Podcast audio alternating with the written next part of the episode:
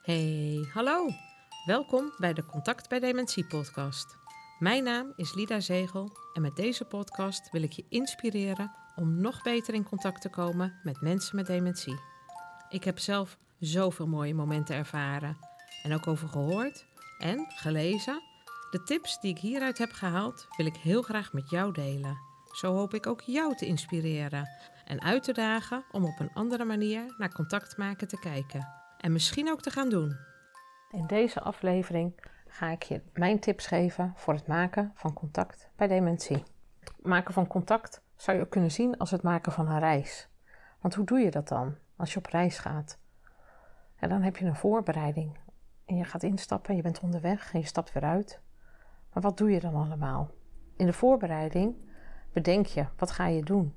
Wat weet je en wat weet je niet of wat weet je nog niet? Dit heb je al dan niet bewust in je hoofd. In je hoofd kan nog veel meer zitten waar de ander niets aan heeft. Denk hierbij aan hoe jij je voelt, wat er privé allemaal speelt, of wat, wat je nog allemaal moet doen. Probeer die gedachten zoveel mogelijk los te laten, door je hoofd als het ware leeg te maken. Ontspan. Maar wees wel jezelf. Een tip om te ontspannen is even heel diep ademhalen en zorgen dat je stevig met je voeten op de grond staat. Nog een stapje in. Zie waar de ingang is en ga daar rustig naartoe. Laat jezelf ook eerst aan de ander zien, zodat je niet botst. Instappen doe je voor jezelf, maar zeker ook voor de ander. Laat de ander altijd voorgaan. Wees jezelf bewust hoe je eruit ziet, hoe je klinkt, hoe je ruikt. Dat kan je helpen, het kan ook tegen je werken. Respecteer de ander, de beleving en de emoties. En besef je ook dat voor die ander alleen het nu telt, dit moment alleen. Ga naast de ander zitten. Het kan zijn dat je iemand staand ontmoet, dan sta je naast iemand. Maar sluit bij hem of haar aan. En doe dit in rust. Op dit moment. Vergeet alles wat je ervoor al mee hebt gemaakt. Wees open zonder vooroordeel. Ben je bewust van hoe de ander spreekt of hoe jij de ander aanspreekt? Spreek dezelfde taal. Dat kan zijn gewoon in taal, verbaal dus. Het kan ook non-verbaal zijn, of het kan ook jabberend zijn. En jabberend, dat is misschien wel wat lastig, dat zal ik ooit nog een keer uitleggen, maar dat is meer het op, op klanken dan dat je echt taal gebruikt. En kijk wanneer je de ander kan aanraken. Dat kan niet altijd. Niet iedereen vindt het fijn om aangeraakt te worden. Dus kijk daar vooral naar. Kan ik iemand aanraken? Doe dat ook weer heel voorzichtig. Heel rustig. En kijk dan van, nou, kan ik een hand aanraken? Kan ik een schouder aanraken? Kan ik een knie aanraken? Maar we gaan onderweg. En als je eenmaal bij die ander bent aangeschoven, kunnen we namelijk verder gaan. De ander kan niet alles meer zo snel opnemen. Gelukkig hebben we dan de slow motion nog. Ja, dat is niet zo makkelijk als je haast hebt, maar dat hadden we al bij de voorbereiding achter ons gelaten, toch? In slow motion kun je de ander echt ontmoeten. Welke stappen zet je dan? Als de ander start, dan laat je zien wat er gebeurt. je ziet ten eerste dat er iets gebeurt, dan laat jij zien dat je dat ziet, dat je het herkennen laat zien als het ware. En dan laat je zien wat het met je doet. Ontvang, hè, dan ontvang je een actie dat is, en dan reageer je. Reageren doe je ook weer in slow motion. Laat zien wat je gaat doen. Werk je in de zorg, dan zou je bijvoorbeeld een washand kunnen laten zien. Of zonder een washand zelfs al een, een wassende beweging maken. Maar je kan ook denken dat als je weggaat, dat je zwaait van nou, ik ga, dag. Dat je dus ook laat zien op die manier wat je doet. Of als je wil gaan zitten, van dat je een zittende beweging maakt. Maar benader de ander langzaam. Voor je door kunt gaan met het laten zien van het vervolg. Herhaal continu het proces. Dat lijkt veel en voelt als leren autorijden met een binnenspiegel, buitenspiegel, over je schouder, koppeling, schakelen. Nou, kortom ook reizen. Een tip is nog: stel je vragen bewust, gesloten, dus ja en nee antwoorden of enkelvoudig. Wees je bewust van hoe je iets vraagt. Heeft de ander wel een keus? Zo nee. Stel de vraag dan niet, maar vertel of laat zien wat er gaat gebeuren. Is er wel een keus? Stel dan één duidelijke gesloten vraag per keer. Bijvoorbeeld, wilt u iets drinken? In plaats van, wilt u drinken? Heeft u zin in koffie? Of wilt u koffie of thee? Dat zijn allemaal best wel lastige vragen als je dat achter elkaar doet. Dus één voor één die vraag. En als je dan je contact gaat afronden, moet je ook echt uitstappen. Rond een actie duidelijk af. Trek je langzaam terug. Je vervaagt dan als het ware. Ook hier is rust de brandstof voor een geslaagde reis. Gehaast zijn of half bezig met een ander in woorden of gedrag is voor niemand fijn. En zeker niet voor iemand met dementie. Als ik die reis van het contact dan in het kort vertel, dan zeg ik: een reis bereid je voor. Vervolgens stap je in en ben je onderweg en stap je uit. In het contact met een ander is dit niet anders. Een stappenplan bereid je voor. Zorg ervoor dat je ontspannen begint. Zet je privé aan de kant en haal even diep adem en kom rustig binnen bij de ander. Respecteer waar de ander zit in tijd of emotie. En leg de regie bij de ander. Op dit moment telt alleen nu. Ontmoet in slow motion. Wees duidelijk. Rond af en trek je langzaam terug. En als dat nou niet lukt in één keer, haal dan even diep adem. En stap dan gewoon opnieuw in. De zeven tips die ik hieruit heb gedestilleerd zijn tip 1. Ontspan. Tip 2. Laat merken dat je er bent. Tip 3. Rust en respect, inclusief emotie. Tip 4. De regie ligt bij de ander. Tip 5. Ontmoet in slow motion. Tip 6. Wees duidelijk. Tip 7. Rondaf. Deze 7 tips zullen jou helpen om echt bewust dat contact aan te gaan met de ander. En dat de ander dementie heeft, betekent heel veel. Dat betekent dat de ander heel erg anders is dan dat hij voorheen was. En contact, ik heb het al eerder verteld in een andere aflevering, is niet dat je nog die hele verhalen kunt houden die je eerder had, of kunt vragen wat je allemaal nog zou willen weten over vroeger. Misschien lukt het wel, fantastisch. Doen, vooral doen. Maar probeer dat gewoon altijd op te zoeken. Wat kan wel en wat kan niet. Er zijn ongelooflijk veel boeken, steeds meer. En een boek waar ik heel veel aan heb en aan heb gehad, is het boek De Dag Door met Dementie. Hier is ook een website van, de dag door met dementie.nl. En daar staat ook een mooi filmpje over wat is dementie. Want zij zeggen, als jij in contact wil komen met mensen met dementie, dan moet je ook weten wat dementie is. Dat is handig. En ik denk inderdaad dat je dan ook veel beter kunt begrijpen waarom een ander kan reageren zoals die reageert. Als jij onbevangen kunt, kunt accepteren dat een ander anders is, dan heb je dat misschien helemaal niet nodig. Maar het kan je echt wel helpen. Waar dit boek heel erg op ingaat is uh, dat het denken, kiezen en zelfstandig handelen niet meer lukt, omdat dit in het bovenbrein is ontwikkeld. Het rationele brein en het onderbrein, het emotionele brein, nog langer intact blijft. Nou, het is een heel klein stukje uh, ja, wat verder te lezen is in het boek, maar ook een mooi filmpje op de website bestaat. Nou zijn er ook mensen met dementie die kunnen vertellen hoe zij het ervaren. En een, een voorbeeld daarvan is Sonja Bouten. Zij is nu 54 en zij heeft bij Intalk een, eh, een podcastaflevering ook uh, meegedaan. En zij heeft vier tips gegeven over dementie. Een positieve instelling is het allerbelangrijkste, staat bij haar op één. En op twee staat: probeer de situatie te accepteren. Leef in het hier en nu.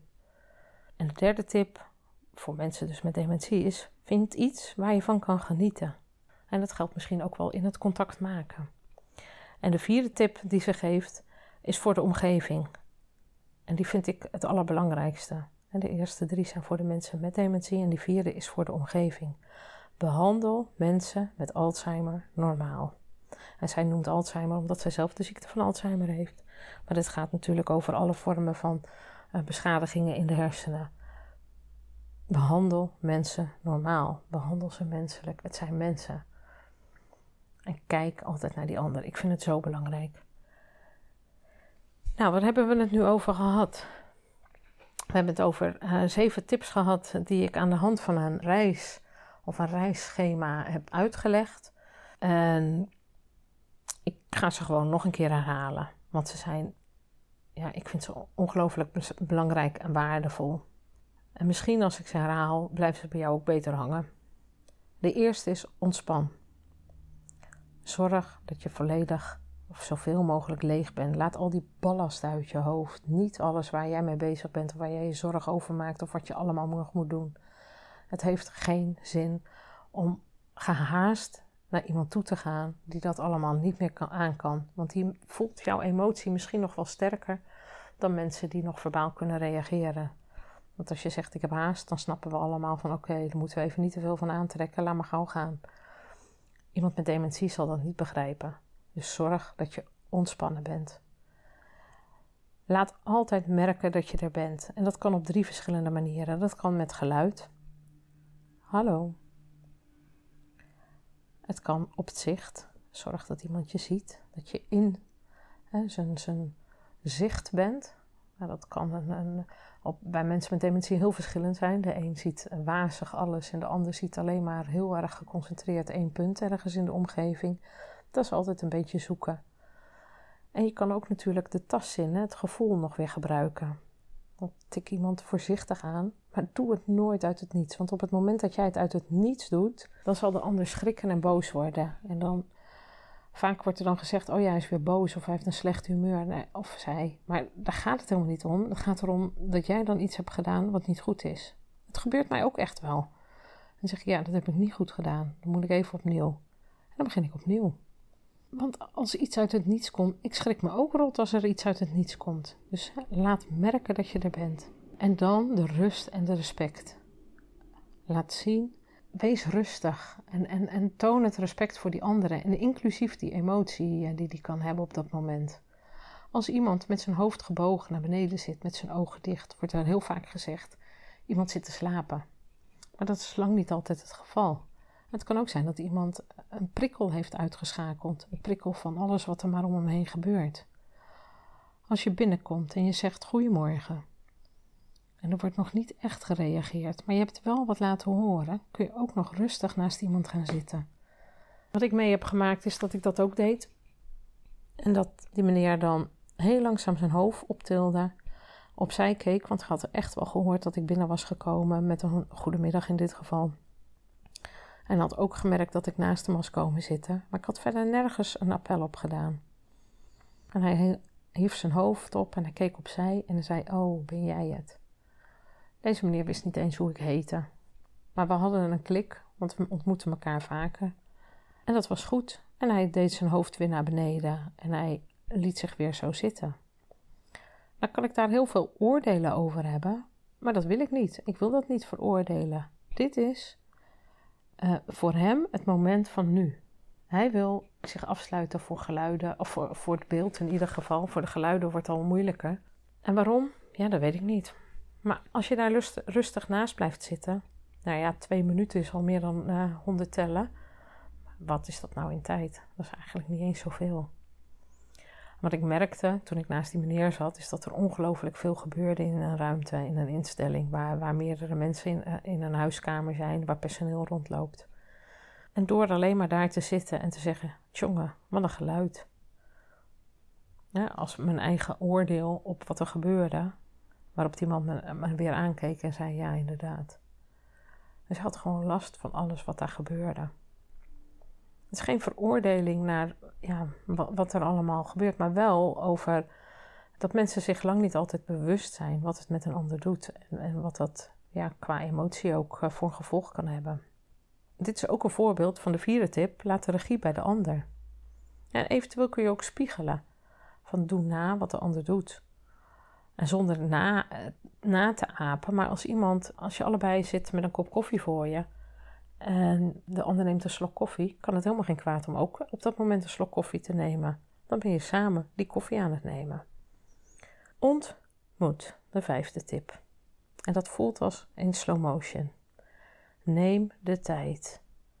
Het is zo belangrijk om die tijd te nemen en als het ware alles in stukjes te knippen.